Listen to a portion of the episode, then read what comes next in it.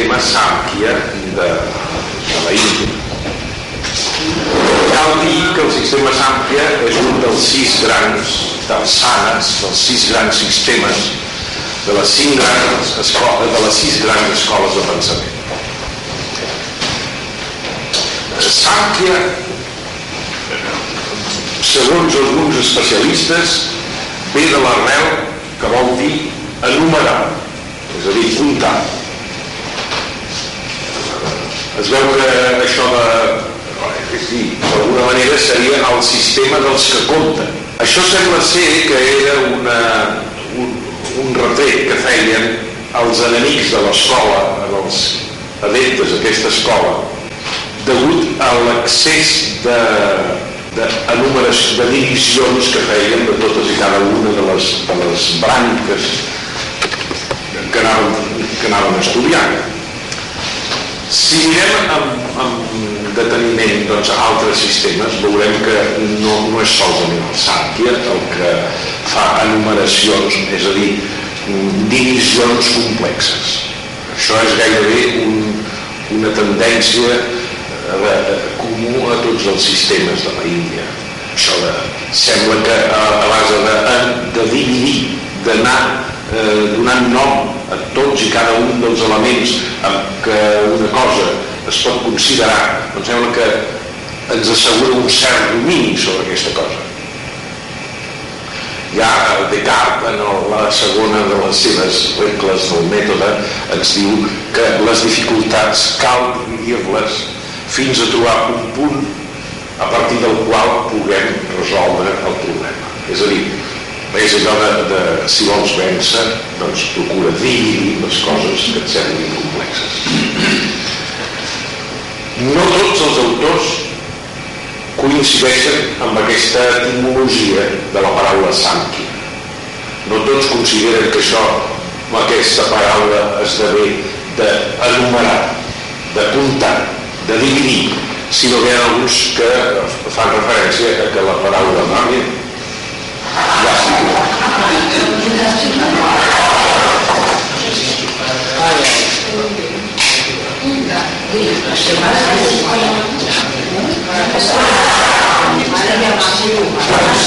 ja Sí, sí, sí, sí, siamo gli massa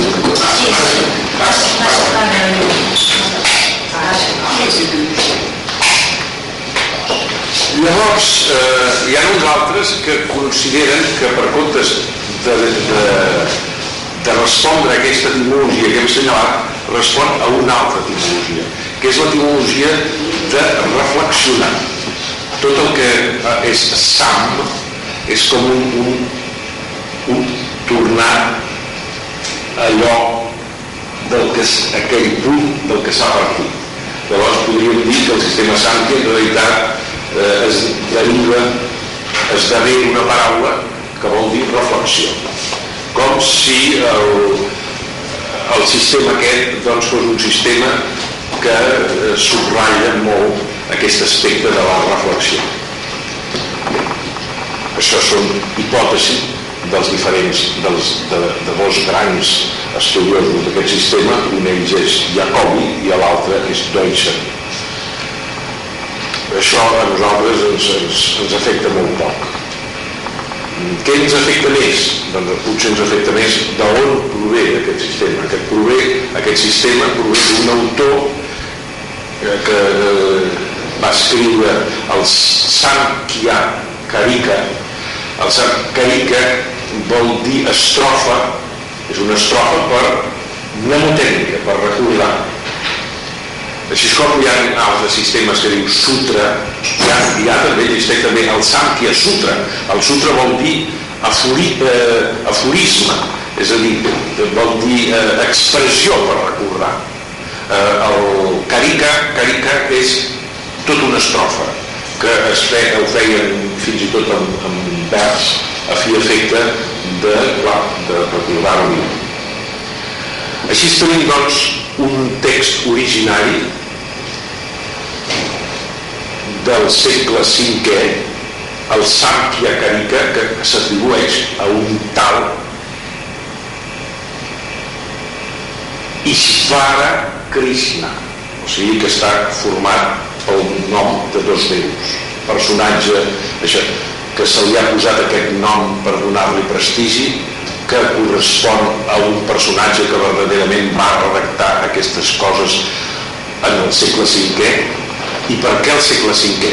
Al segle V perquè hi ha una traducció xinesa datada del 550 després de Crist llavors si la traducció xinesa és del 550 per aquesta raó el Samkhya Karika és anterior i a més i a més a més eh, per, un, per, per raons de caràcter estilístic de l'idioma doncs sembla que correspon a la manera de parlar i, i les formes d'expressió d'aquella època.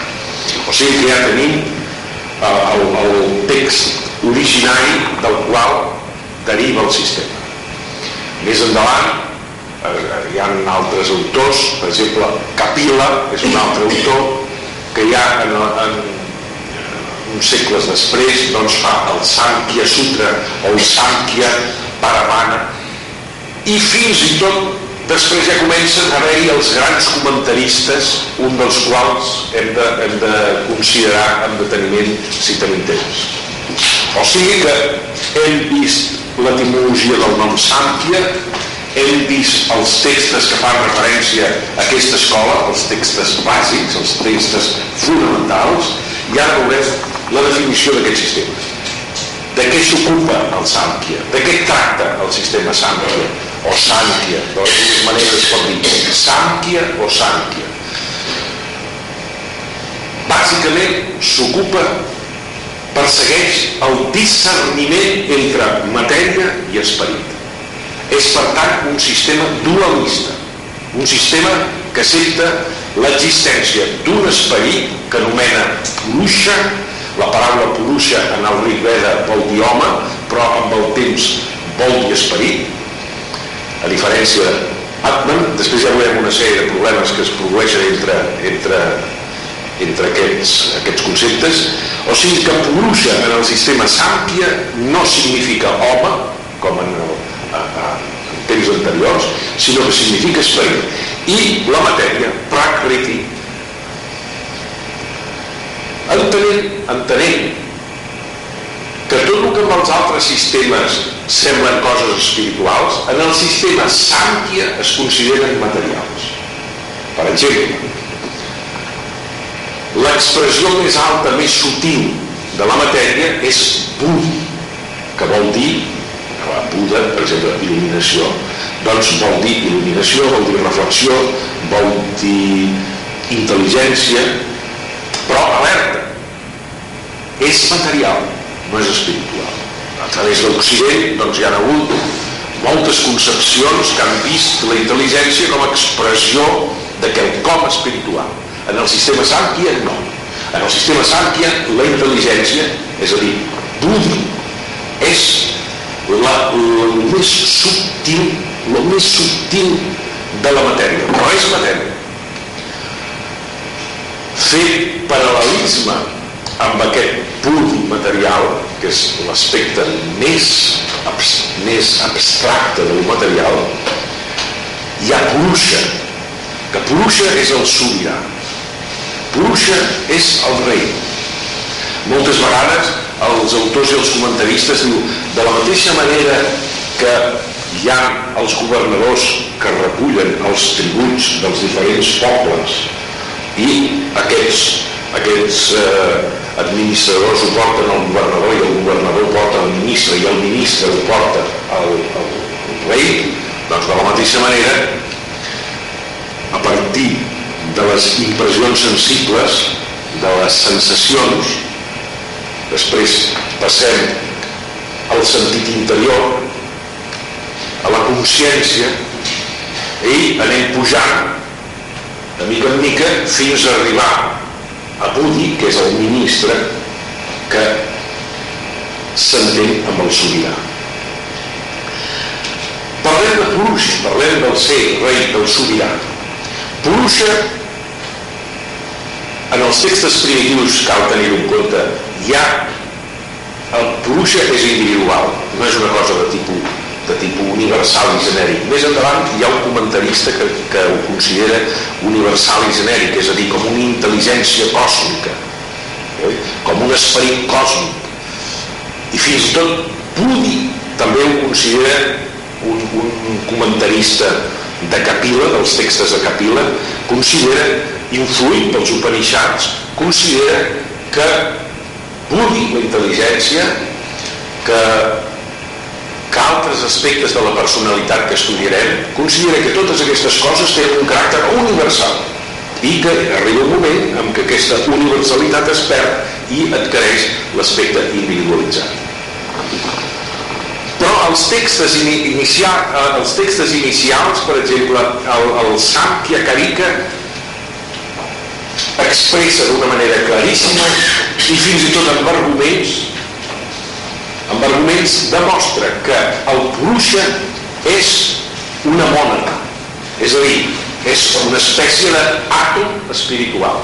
Cada un de nosaltres té el seu Purusha, que és l'entitat transcendent de la personalitat, que no es pot conèixer, que no reacciona, que és absolutament impassible, que és absolutament immòbil. Purusha només pot fer una cosa. Contemplar. I contempla i aquí és un altre eh, el, el sistema Samkhya té un dels textos del, del sistema Samkhya té un especial atractiu perquè sempre posen imatges. I compara amb Budi que ja hem dit que és la intel·ligència material. Budi moltes, moltes voltes la relaciona amb una dansaire és la dansaire que està davant del sobirà el sobirà en aquells moments doncs està mm, embadalit contemplant els moviments que fa aquella dansaire i eh, s'oblida de la seva condició de sobirà i queda fascinat, gairebé s'identifica amb Budi que és l'aspecte més atractiu, més subtil, més encisador de la matèria. També diuen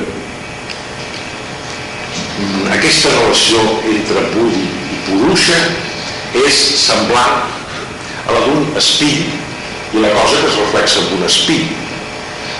Purusha és llum i l'espill és la matèria. L'espill, el mirall, està fet de matèria. Aquesta llum espiritual es reflexa a la matèria. Llavors es produeix un fenomen misteriós, un sis, un misteri l'esperit Purusha s'oblida d'ell mateix i creu que és matèria. Millor dit eh, ens hem equivocat a l'expressar-ho d'aquesta manera. Purusha no pot reaccionar. Purusha en aquell moment és simplement reflexa és immobilitat absoluta. No pot fer res. Per tant Purusha no pot ser salvació, no pot ser emancipació, no pot ser moksha. Moksha vol dir trencar la cadena del samsara, que vol dir la cadena del karma, que vol dir la cadena de les existències, que vol dir la cadena del dolor, que vol dir la cadena d'anar naixent al llarg dels temps. No dels calpes, no dels yugues, sinó que fins i tot quan es produeix el, el terme d'una època còsmica, d'un món, quan es produeix aquest pralayam, és a dir, aquesta dissolució d'un univers, es mantenen les arrels dels desitjos i passen, poden passar a una altra, a una altra etapa còsmica és a dir, aquest, això era una cosa que angoixava la mentalitat dels hindús. El concepte de Samkara, el concepte d'encadenament d'existències, és panindi, es dona en tots els sistemes de la Índia. El concepte de moksha, de salvació, de trencar aquesta cadena, també és una concepció comuna a tots aquests, a tots aquests sistemes de la Índia, perquè tots temen la reencarnació, els efectes de Carmen com una energia que està provocant els naixements i tenen també l'encadenament al llarg d'una sèrie d'existències i tots busquen l'emancipació, el trencament. En el sistema Sàmquia hem dit que Purusha no és la salvació perquè Purusha està salvat. O sigui, nosaltres estem salvats, el que passa que no ho sabem. Per altra banda, tot prové de Budi, d'aquesta matèria tan fina, aquesta ballarina, que es creu que és d'alguna manera esperit de ser. Per tant, la importància del discerniment és essencial. Es creu que és esperit sense ser i és, diuen els textos, l'origen de tots els nostres encadenaments. Per què? Perquè Purusha eh, és el punt de partida, podríem dir, és aquell clau de que penja tota totes les formes d'existència material. I nosaltres estem en el món de l'existència material. Fins i tot Budi, que diria el místic, diria el màxim. No, no, perquè tu pots tenir la gran il·luminació dintre del món de la matèria i si no tens la diferenciació, si no tens el discerniment entre el que és l'esperit i matèria, tu no arribaràs a la salvació, no arribaràs a moksha. Perquè els camins de la matèria són terribles, com els fils de l'aranya. Tot comença, doncs, amb l'expressió màxima de la matèria, que és Budi a, a partir de Budi es va concretant la matèria. Expliquem. Prakriti és la matèria, aquesta ballarina. Però Prakriti està formada per tres elements. Com? La matèria, no hem dit que la matèria era un primordial? Sí, és primordial, però eh, com si fos una corda que té tres fils aquesta corda és la matèria, però la matèria té tres formes de manifestar-se. La primera forma de manifestar-se és el que podríem anomenar la llum, l'entitat, alerta, llum i entitat. Això en sànscrit és sattva. Fixeu-vos que la paraula sat està en relació amb la paraula ser. En el Rig Veda tenim un himne que diu si Brahma és, el món no és. Si el món és, Brahman no és. I llavors, quines expressions utilitza? Utilitza les expressions sat, asat. Sat és el ésser, asat és el no ésser. Aquí haguéssim pogut estendre'ns en aquella conferència, no?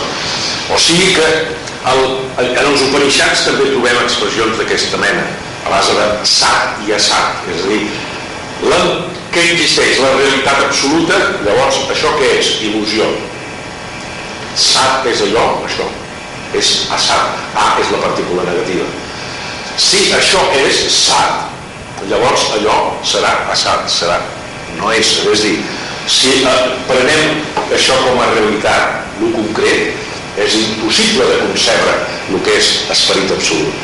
Si nosaltres ens instal·lem místicament en aquest pla de l'univers absolut, això s'esvaeix com si fos un somni. Allà, allà. És, és una ignorància, això. O si voleu dir-ho d'altra manera, és malla, és il·lusió. I, per exemple, en els textos el Vedanta diu Ishvara, quin senyor, quin mac és Ishvara, diu, diu, eh, és un mayavim, és un, és un, un màgic que ens, ens llença polseguera en els ulls i ens fa veure el món. En realitat no veiem que darrere d'aquesta polseguera que és el món hi ha l'esperit absolut del qual participem. Tres tres cordetes formen prakriti una d'aquestes cordetes és Satma, que hem dit que és llum, que és entitat, essa. L'altre, rajas, és energia i moviment, rajas. I finalment, la això són els kuna, que vol dir els elements de què consta la matèria, prakriti. O sigui, repeteixo, els elements de què consta la matèria són sattva, rajas i tamas. Tamas és eh, la foscor, la pesantor, les tenenes. Però això, en el pensament que es dona en varis, en varis eh, sistemes de la Índia, això dona lloc a una caracterologia. Hi ha persones en les que predomina el sattva. Són persones il·luminades. Són persones de pensament. Hi ha persones en els que predomina rajas, que són els apassionats, que són els dinàmics, que són els que es mouen. Hi ha persones que són tamàssics, eh? tames predominen i aquests són els, els, els que difícilment es mouen, com per exemple jo, els pesats, els, els, els foscos, els embotats, tota una caracterologia. Però això també són principis còsmics, és a dir, on predomina la llum, per exemple, la lluna, els astres, etc., hi ha un principi sàtvic, de sat, on hi ha moviment, on hi ha passió, eh, rajas, i on hi ha mm, podríem dir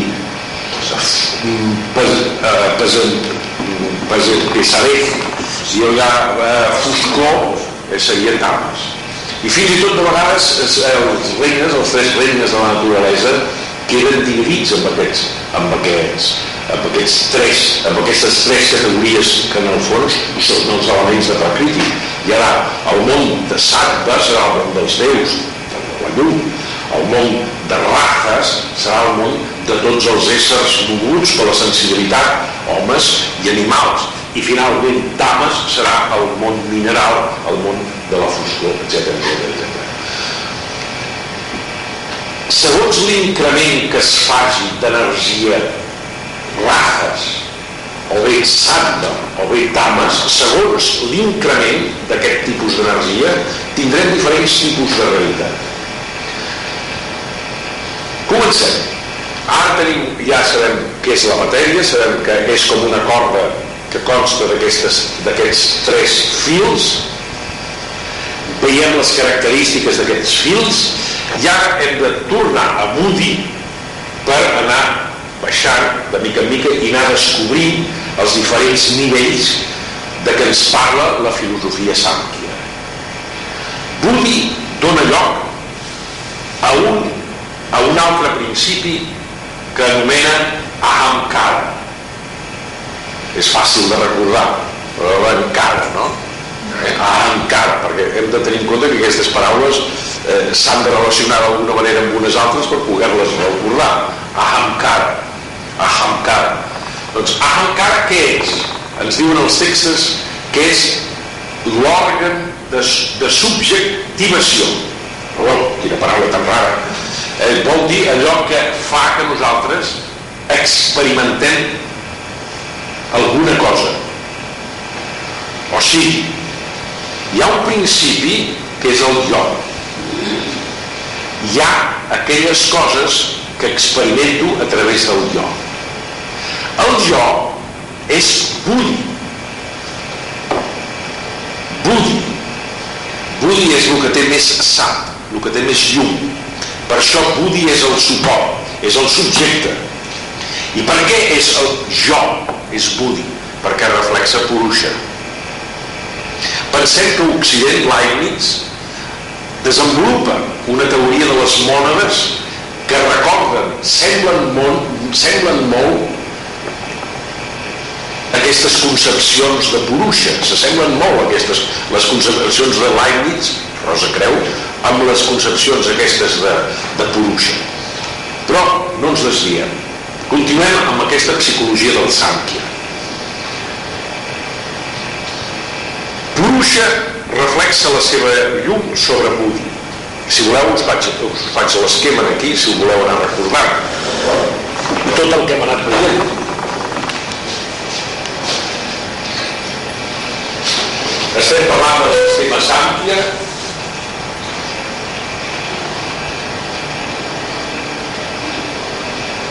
el sistema Sàmpia parla, bàsicament s'ocupa de la distinció entre Prakriti, la matèria i Purusha, l'esperit. Si aconseguim aquesta distinció, tenim moksha. Si aconseguim aquesta diferenciació, és la salvació, això és la salvació. Ara, com que resulta que eh, això, aquest és, és aïllat, i els textos diuen que Purusha no, no es pot dir res directament de Purusha, només podem dir no, és no material, no finit, no, no, no, és el neti, neti, neti, és a dir, és eh, la negació la que ens permet poder fer referència a Purusha d'una manera indirecta. Tenim Prakriti, la matèria, hem vist que la matèria està formada per els tres guna. Els tres guna que formen la matèria, tot això ho posarem dintre del mateix cercle, però aquí aquest cercle no ens ha sortit bé. Això és molt... Ja, ja. Bueno, ja, és igual. Bé, ho farem així. Sattva això, que, això s'ha de caracteritzar. salva rajas y aquí passos.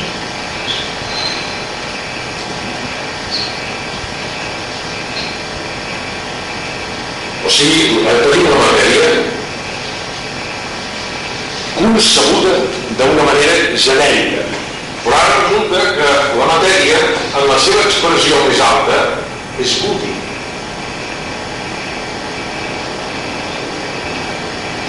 a partir de Budí esdevé encara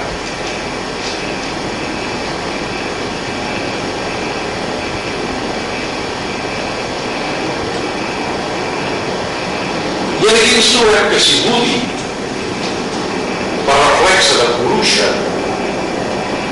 ens dona el jo Ahamkara d'alguna manera és el que diu coses del jo les experiències del jo totes les coses a les que faig referència. I un dir bé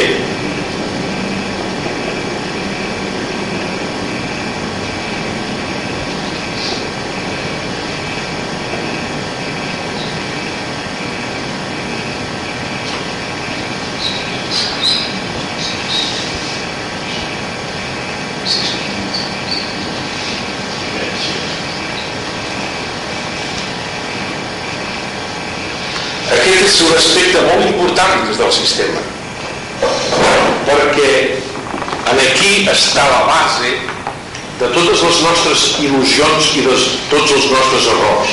I això és una constant dintre del pensament de la Índia i també dintre del budisme. El jo és una cosa i el que jo experimento com a jo és una altra cosa. Les meves emocions són atribuïdes al jo com si fos eh, hi ha una confusió entre el jo que és una llum espiritual. I el jo tenyit per les passions, les emocions, els temors, les circumstàncies, les reaccions al que jo crec de mi mateix, que no correspon al jo llum. Eh, des d'ara en endavant l'anomenarem bruixa, el jo transcendent és bruixa.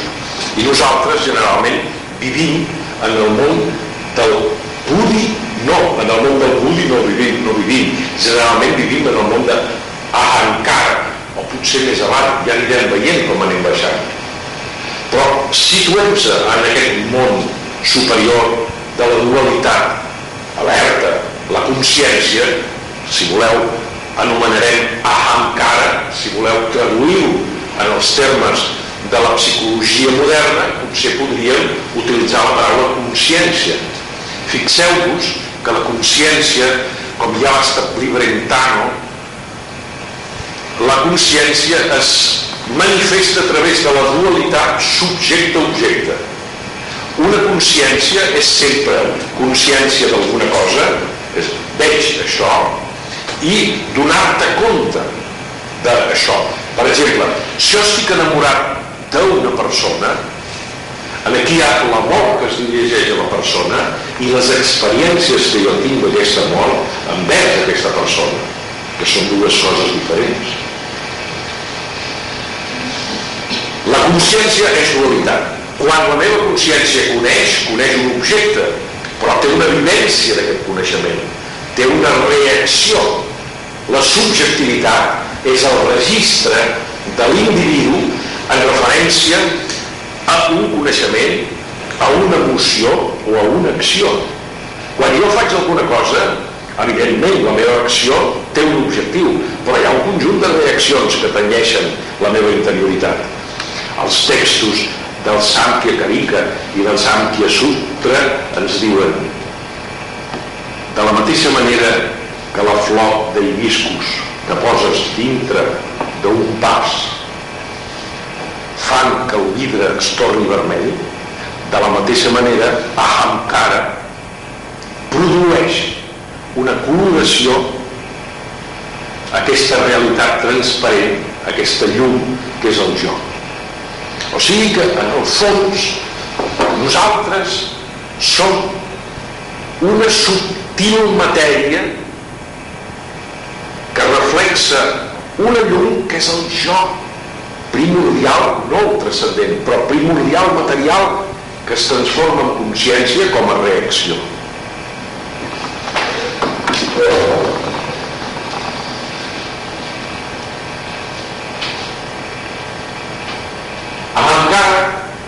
es dividirà alhora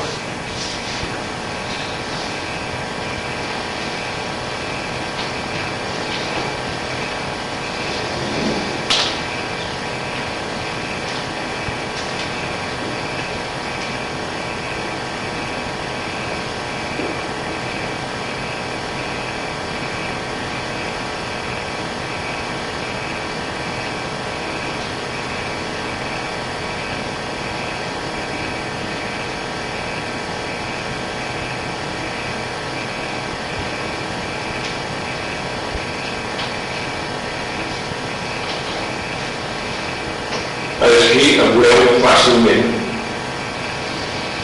com les paraules malgrat nivells en els que apareixen d'alguna manera doncs Carmen Trilla Carmen, la paraula Carmen tots l'heu sentit parlar mil vegades que vol dir en sànscrit acció. Evidentment en els sistemes filosòfics i místics i religiosos vol dir no solament acció sinó els efectes de l'acció que repercuteixen sobre nosaltres.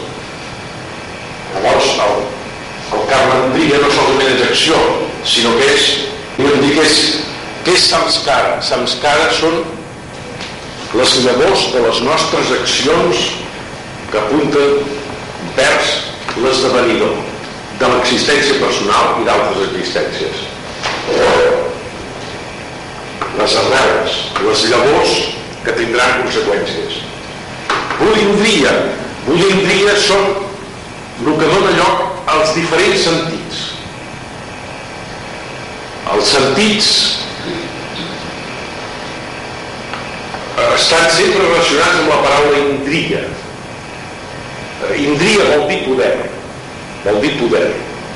Tenim el poder dels sentits, tenim el poder de l'acció, i ells anomenen les diferents classes d'acció, i després tenim també tan matra, que són els elements.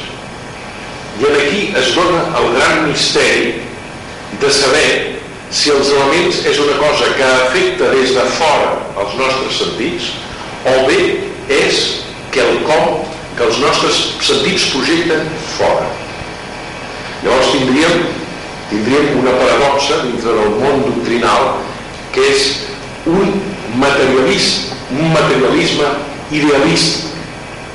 És a dir, què s'entén en la història de la filosofia per idealisme? S'entén a la història de la filosofia per idealisme aquells sistemes que consideren que la realitat és fruit del nostre pensament, de la nostra subjectivitat, de les nostres activitats. La realitat no és una cosa que estigui fora, sinó la realitat és quelcom que projectem des de dins. Això és l'idealisme. És cert que els marxistes van incloure dintre de la denominació d'idealisme tots els sistemes que no fossin materialistes, tots els sistemes de caire més o menys espiritualista. Espiritualisme vol dir independència de la matèria en l'ésser i en l'acció, en l'obrar. Doncs, els, els marxistes consideraven en el món només hi ha dues classes de filosofies les, les, les realistes materialistes i les idealistes les idealistes totes falses. Les úniques que cal explicar són les materialistes a través del, del materialisme dialèctic. Llavors, clar, nosaltres ens movem en un altre món. La gran paradoxa del sistema Sàmpia és que concebint tot això que tot això es dona en l'àmbit de la matèria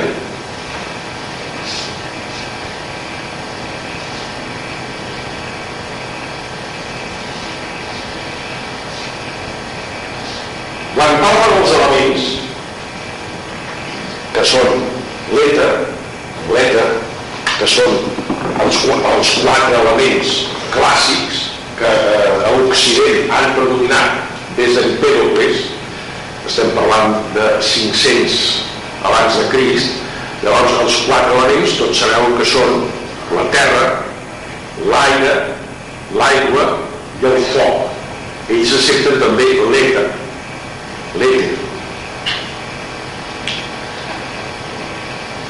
l'èter és caixes en sànscrit i llavors recordeu la cosa de, del registre acàssic de la, de la galàxia llavors és com si ho diguéssim un dipòsit és, l'èter és com un dipòsit on es, es concentren les experiències viscudes per, eh, o, o, o per viure de, dels diferents individus aquí, a caixes, èter curiosament és gairebé un arquetip perquè eh, a una persona que va somiar, havia perdut la seva mare, una dona havia perdut la seva mare, una dona de la meva família, i eh, somiava freqüentment amb la seva mare, la que havia tingut doncs, diferències. I en el darrer dels somnis que va tenir de la seva mare, la seva mare li va dir, diu, va, van trucar a la porta, somni. Vaig obrir la porta vaig veure la meva mare com és petita i tota plena de llum. I, i va dir, escolta, Maria, faig el favor de no, de no, de no parlar tant de mi, de no pensar tant en mi, perquè cre, crees un, una, una, un moviment negatiu en l'èter Llavors, aquesta senyora no tenia cap noció, eh, la, la que somiava no tenia cap noció d'això d'èter, molt menys, ni, ni, ni era una dona eh, amb, amb coneixements suficients perquè això fos, potser sí, l'experiència d'alguna lectura, però és molt difícil que aquella dona doncs, arribés a aquest concepte d'èter entès d'aquesta manera, entès com un principi espiritual en el que els esperits es mantenien. Per tant, aquestes coses vol dir que no, no ens venen dels llibres, sinó que surten del nostre esperit. Són arquetipos, arquetips. Hi ha moltes coses, per exemple, ara jo estic estudiant un tema, el tema de la intel·ligència universal, que la trobo, doncs, a tot arreu. La trobo en el sistema Sàmpia, amb un comentarista del sistema Sàmpia, però l'he trobat a tot, en, en la majoria dels filòsofs dels filòsofs eh, àrabs parlant de l'enteniment gent de, de la intel·ligència universal el profeta s'instal·lava a la intel·ligència universal i com que allà el present, el passat i el futur no existeixen sinó que tot és una sola realitat doncs el profeta ho veu des de l'enteniment gent. La paraula enteniment gent ens ve d'Aristòtil, del llibre tercer d'Aristòtil, que ha donat lloc a, a rius de tinta i a disquisicions de tota mena. L'enteniment gent potser correspon a l'inconscient col·lectiu de llum. Vull dir, canvien els noms, però les realitats es mantenen. Això, aquestes coses que no varien, que contínuament les estem trobant en les diferents cultures al llarg de diferents temps, és el que Llum anomena l'arquetip o arquetipus, com vulgueu, en català es pot dir de les dues maneres.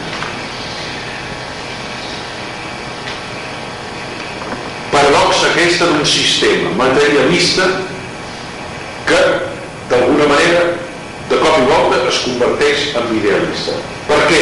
Per què idealista? Perquè ens diu que dels nostres sentits, dels budintria, per increment de rajes i tames, per un increment que es produeix en rajes i tames, eh, es manifesten els diferents elements. L'aire que dona lloc al so,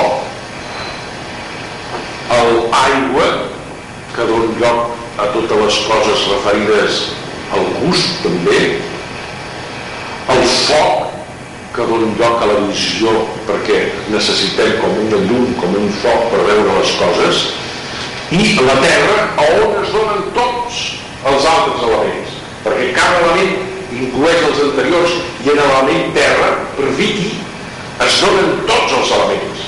Per tant la terra és allò que ens alimenta. L'aliment annes en sànscrit és precisament aquell principi a través del qual nosaltres obtenim, obtenim unes energies. De la mateixa manera ens diuen els Upanishads que nosaltres som permete, ho diré en castellà perquè em surt millor somos buen bocado para la muerte. O sigui que nosaltres som bon aliment per la mort que s'ho menja tot.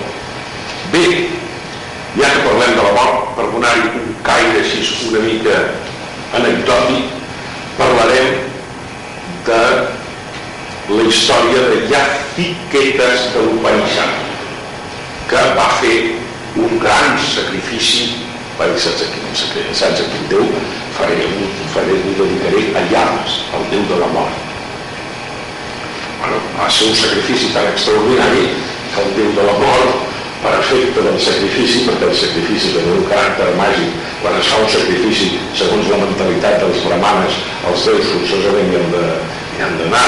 Llavors Yamas es va presentar, Yamas a la mort es va presentar a Najiquetes. I li diu, bueno, escolta, eh, vaig fer aquest sacrifici, aquest gran sacrifici, doncs aviam, què vols que et doni? i dius, a mi m'interessaria saber què és el que hi ha després de la mort. No, home, escolta, això ets de preguntar. Aquestes coses és de preguntar, això és un secret que ni, la saben, ni el saben els déus. Diu, escolta, no et conformaries amb les apsares? Entre parèntesis diré que les apsares eren les nimfes celestials que dansaven i cantaven i eren, bueno, les delícies dels déus, eren una espècie de prostitutes dels déus però que de vegades els homes també tenien ocasió de poder-s'hi relacionar. També hi havia els gandarves, que eren els ninfos, eh? o sigui que tenim les apsares i tenim els gandarves, que són eh, la, la versió masculina de les ninfes. Diu, escolta, que li diu llama, home, proporciona una, una, una apsara, una ninfa celestial, Diu, no, no, no, escolta, no m'interessa, no m'interessa perquè, mira, saps què passa? Saps què passa? Que això va gastant els sentits, la relació d'una saga, encara no gastaria més els sentits i a la llarga, doncs, no, no, no, escolta, es perden les energies per tu. I l'altre diu, home, potser vols riqueses. Diu, per què servien les riqueses? Potser doncs, per, per, per, per tenir una sèrie de dones i també gastaria els sentits, escolta. Diu, a el que m'interessa és saber què hi ha darrere. Diu, això no ho saben ni els déus. I llama, i, i el déu de la mort li va, li va oferir coses que anar etiquetes amb gran habilitat va rebutjant fins que arriba un moment que diu escolta, ara a mi m'interessa el que hi ha darrere de la mort el secret. I, llavors clar el, el, els Upanishads sempre repeteixen la mateixa història de mil formes i mil maneres. Totes encisadores, totes profundes totes sublims diu, el gran secret que descobriràs després de la mort és que el teu Atman, és a dir, la teva ànima, Purusha, Atman, eh, amb diferents sistemes s'utilitzen de manera sinònima. El teu Atman, és a dir, la teva identitat personal, la teva ànima, et donaràs compte que Atman és Brahman que tu ets l'ésser absolut, que tu ets la divinitat. I això, això que t'indiqui que tot havia d'haver això no ho saben ni els teus. I l'etiquetes de va quedar la mar de content i la mort se'n va tornar cap al lloc on està bé. La mort és la gran boca que tot s'ho menja. Todos somos buen bocado para la muerte. Ara bé, l'home, a través de les seves especulacions, ha volgut sempre escapar d'aquesta d'aquest anul·lament total. És a dir, l'ésser humà ha volgut transcendir, ha volgut superar la seva condició d'ésser mortal i ha descobert aquests jardins olímpics amb algun escrit alguna, alguna vegada he repetit que el hombre és el cazador furtivo del jardín de los dioses és a dir, l'home té la tendència a entrar en el jardí dels déus doncs bé en el fons veiem que el sistema Sàmquia ens parla d'una psicologia complexa per aconseguir moksha. Que, quina serà aquesta salvació? Aquesta salvació serà el discerniment, el donar-me compte de que jo, malgrat les experiències més subtils i elevades, jo no sóc matèria que s'esfà. Quan jo dono compte que sóc el reflexe d'una entitat superior, pluja, que correspon a la meva més profunda íntima personalitat, llavors jo arribaré, he, he aconseguit la salvació. No importa el que faci. Diu, és com una roda que va donant voltes però que a la llarga es pararà perquè ja ha perdut la seva energia que seria el karma, que seria el samskara, el, el samskara amb, amb una expressió molt gràfica diu hauràs cremat totes les males llavors del samskara perquè els samskara són les llavors que fan que les teves existències neixin, que, les, que la teva individualitat neixi en altres existències, fins i tot quan aquest món haurà desaparegut. Encara queda en altres mons, queda la projecció de les teves existències. I això, que per un, una mentalitat occidental seria un guany extraordinari, un benefici extraordinari. Ah, o sigui que jo no moriré mai, jo em vaig, em vaig, vaig perdurant, vaig existint. Això és una maledicció per una mentalitat hindú, perquè l'existència és dura. I l'alliberament consisteix precisament sempre en un discerniment entre el que realment sóc jo i allò que no sóc jo. Bé, aquí si us sembla bé, podem passar a dialogar sobre aquest assumpte o si voleu preguntar alguna cosa. Sí, jo m'agradaria veure una mica a través d'aquests budientilles eh, on ficaria vostè la diferenciació que tant parla, per exemple, bueno, molts del dintre del sistema Samkhya sobre la diferència entre nirvana, samsara, és a dir, situen tots dos eh, diguem, energies, experiències, a sota de moksha. Però, és a dir, eh, moksha transcendeix a nirvana. Com no. ho volia dir? Nirvana és un concepte budista. Sí. Llavors, aquí no, aquest sistema no hi surt aquesta expressió. En el budisme surt nirvana que té dues versions d'acord amb l'escola Mahayana o l'escola Hinayana. En l'escola Mahayana eh, el nirvana és la beatitud, és la plenitud. En l'escola Hinayana no és nirvana, llavors és nivana, diuen ells perquè és pàl·lic, aquesta escola. El nivana és l'extinció. La, el, el, el, el perdre, el, el no tenir que eh, experimentar l'existir. És a dir, el, el budisme surt, el budisme pali, el budisme eh, del Hinayana, parla del nirvana, és a dir, és, és, és el mateix que dir nirvana, però com a extinció. Extinció del dolor. Potser queda alguna altra cosa, però ells no, ells consideren que no s'ha de dir res més.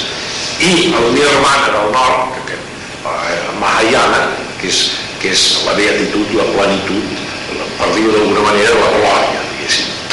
Això es dona en el budisme. En el budisme també es dona aquest, eh, amb alguns sistemes i en el budisme també es pot trobar l'expressió moxta. Llavors, moxta seria la porta per entrar en el nirvana.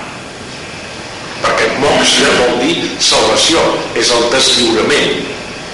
En aquí també, moxa és el, a, eh, a la porta a través de la qual entres en el discerniment i el discerniment és la salvació. Moxta, bàsicament, vol en moxa hi ha dos, dos, dos conceptes, el lloc on es ve i el lloc on es va. Hem estat parlant del lloc on es va, ara del lloc on es ve. Moxa significa que no estàs sumès en aquest riu d'existències que és el samsara, que és la cadena, l'encadenament. Samsara vol dir encadenament. Llavors, samsara, és a dir, estàs dintre de, de les turbulències d'un riu d'existències. Llavors, t'agafes per sortir d'aquest riu. A l'agafar, això és moksha, és redimir-se. Moksha és redimir-se. Llavors, moksha. Ara, realitat és aquí on vas, a la plenitud.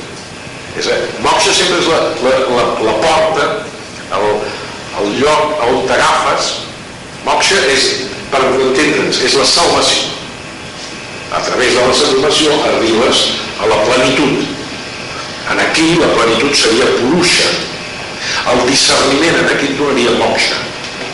On te l'he posat moksha? Potser massa larg, no? No, no, és... Ah, no, ah, ja està, ja està. Mig. Ah, clar, és que moksha és el discerniment. Quan tu distingeixes el que és... I a més hi ha una expressió molt maca, és dir, Prakriti és la que pot aconseguir la salvació, no Purusha, que és immòbil.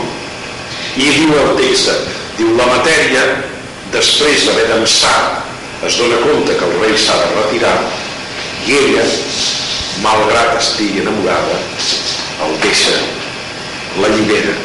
És ella la que l'allibera. Això és d'una poesia sublim, perquè és la persona enamorada la que deixa amb llibertat el ésser que estima Recordem aquelles, aquella frase meravellosa d'aquell poeta persa, Sufí, Hafif, que diu no te amaría suficiente si no supiese olvidarte, abandonarte. És a dir, l'amor que sap renunciar a l'objecte del seu amor, que això, evidentment, és, un, és, és, és una influència del pensament oriental d'apaivagar el desig. És dir, una cosa és el que desitges, ja ho sabem que desitgem, ja ho sabem que nosaltres som rajas, és a dir, passió, però eh, cal superar aquesta passió. Bueno, hi ha gent que diu que no, hi hauria gent que diria no, no, escolta tu, la passió s'ha de viure, s'ha d'esgotar el calze fins a l'última gota. No fotem.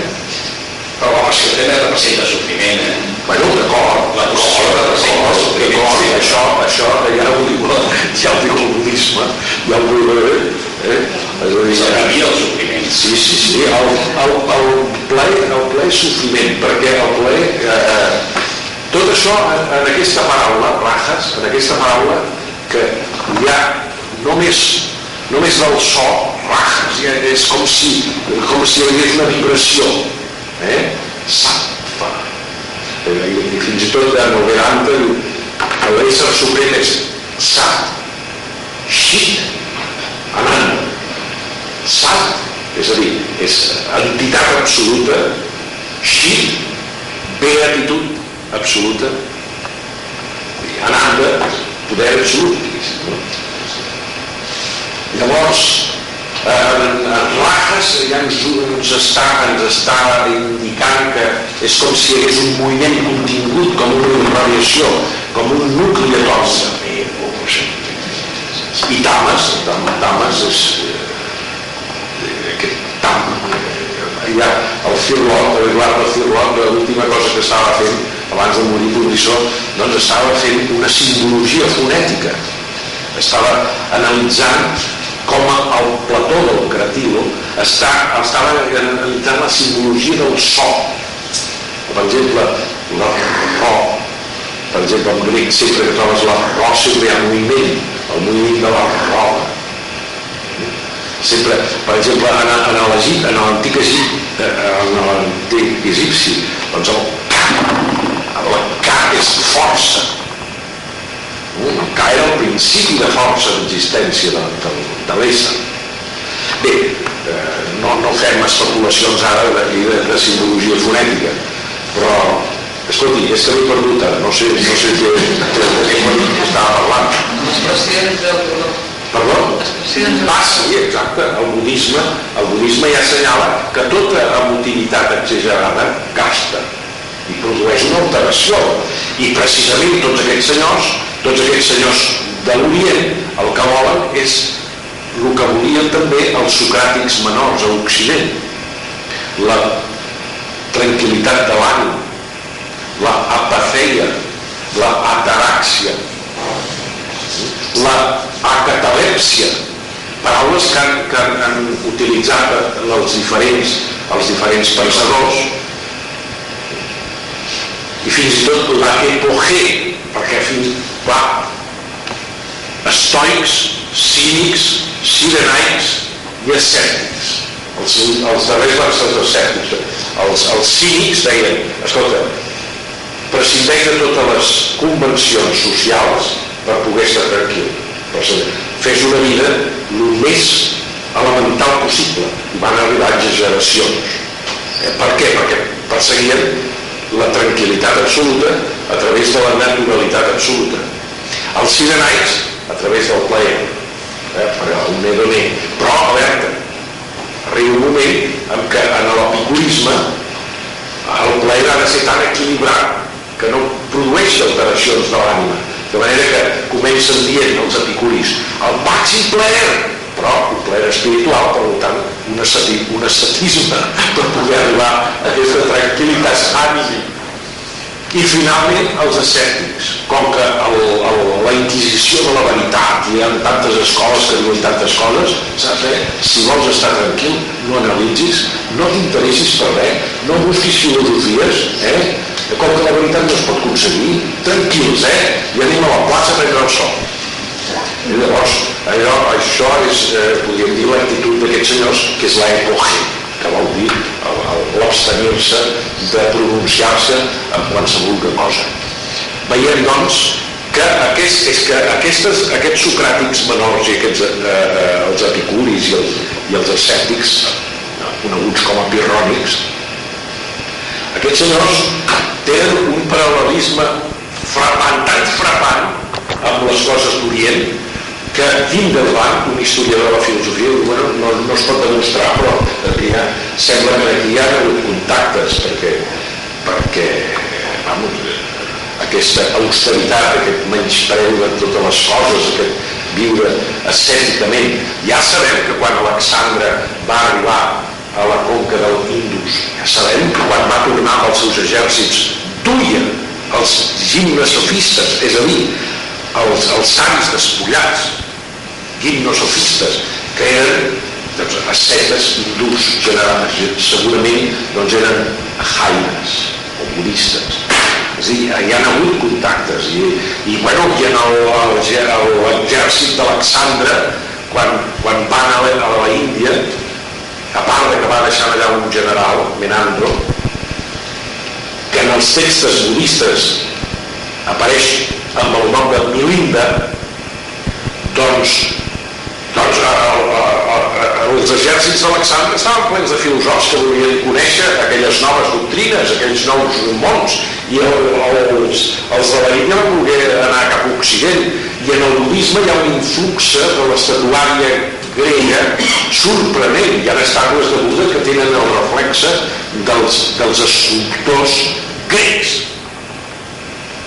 els Pali, el budisme Pali del Mahayana té una obra excepcional. Em sembla que ja he fet referència amb altres xerrades aquesta obra que és el Milinda Panha és de les conversacions de Milinda que són les conversacions del rei Menandra amb un, amb un asceta budista. Eh? escolta, el rei diu he vingut fins a aquest monestir per poder eh, parlar amb tu per poder dialogar amb tu. Vols dialogar amb mi? L'altre li dialogaré amb tu si parles com un filòsof, no si parles com un rei. Com parla un filòsof? Pregunta, si no està d'acord, matitza, torna a preguntar, i així es van canviar les opinions. Com parla un rei? Si no estàs d'acord amb un rei, eh, et fot garrotant. Llavors, parlarem com a filòsof, doncs parlem com a filòsofs. Què pregunta? El, el monjo budista li pregunta amb què he vingut fins aquí al monestir? Diu, un carro. Diu, un carro? I què és això del carro? Diu, el carro són les rodes? No, no, no, el carro no són les rodes. Són els cubs que hi ha a les rodes per, posar, per posar l'eix? No, no és això. És l'eix? No. Els radis de la roda? No, no són això. Això no és el carro. És la plataforma és el pal, és la llança, són els cavalls. I no, no, va dient no, Manandra va dient que no, l'altre va preguntant amb la tècnica budista de l'anàlisi per descomposar el conjunt.